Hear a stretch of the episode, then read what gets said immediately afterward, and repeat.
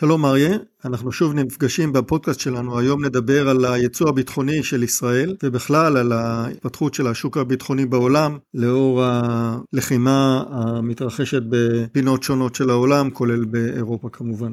אז uh, התעשיות הביטחוניות מפרסמות בשבועות האחרונים, כמו שאר החברות במשק, מפרסמות את התוצאות הרבעוניות שלהן, ואנחנו רואים המשך גידול של uh, פעילות בתחום הביטחוני.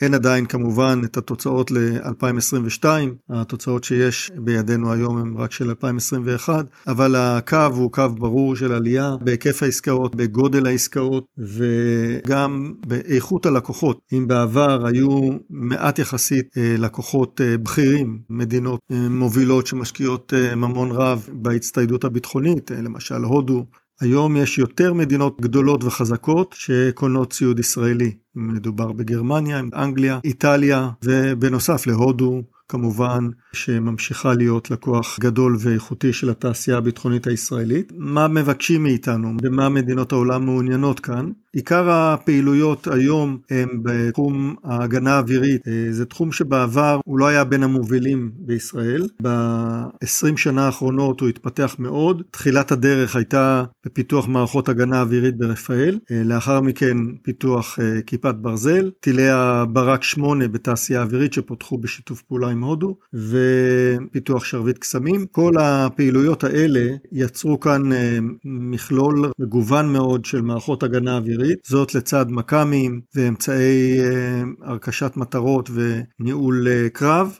כל הסלט הזה נדרש היום בהרבה מאוד מדינות בעולם. הרבה מדינות, הרבה צבאות הבינו שיש להם פערים גדולים ביכולת ליירט אה, מטרות מתקדמות, מטרות מודרניות. אם בעבר מערכות ההגנה האווירית כוונו בעיקר למטוסי קרב ומפציצים, היום המערכות האלה נדרשות ליירט טילי שיוט, שהן מטרות הרבה יותר קשות, מנמיכות טוס ומהירות, ומל"טים, שהם דווקא איטיים עם חתימה מכ"מית נמוכה מאוד. המערכות הישראליות יודעות ליירט את המטרות האלה, למשל כיפת ברזל עברה הסבה מיוחדת כדי ליירט מטרות דלות חתימה ונמוכות. יש את אה, שרביט קסמים שפותח במיוחד כדי ליירט טילי שיוט, וגם אה, ברק MX של תעשייה אווירית, גם זו מערכת שיודעת ליירט את המטרות הקשות האלה. נושאים אחרים זה בדיוק התמונת מראה, מל"טים, טילי שיוט, טילי יבשה ים או ים ים וטילים בליסטיים. ישראל מייצרת את כל המגוון הרחב הזה של אה, חימוש מדויק וארוך טווח, והתעשייה הביטחונית הישראלית הישראלית מוכרת את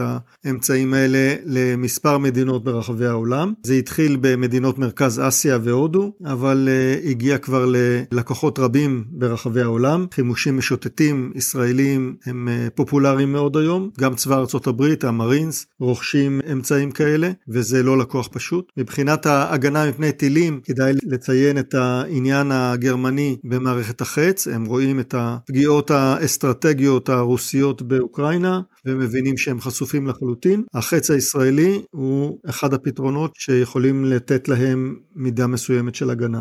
כן, אה, תיארת את זה בצורה מדויקת. אה, מדינות שבעבר לא חשבו לקנות מערכות הגנה כאלה, כמו גרמניה, פתאום מתברר שהן זכות. יש עוד אה, אזור בעולם, הסכמי אברהם יצרו שוק פוטנציאלי במדינות האלה, באיחוד האמירויות, בכל האזור הזה. עדיין המדינות האלה לא קונות בכמויות גדולות, גם מסיבות של אישורים ביטחוניים פה לייצוא המערכות, אבל זה בהחלט שוק פוטנציאלי. גם מרוקו מצטיידת במערכות אה, ישראליות, מערכות מכ"ם ומל"טים. השוק נפתח, מדינות שהיו רדומות בנושא הזה הרבה שנים, פתאום מבינות שמה שקורה היום באירופה יכול לקרות גם אה, אצלם ולא בעוד הרבה זמן.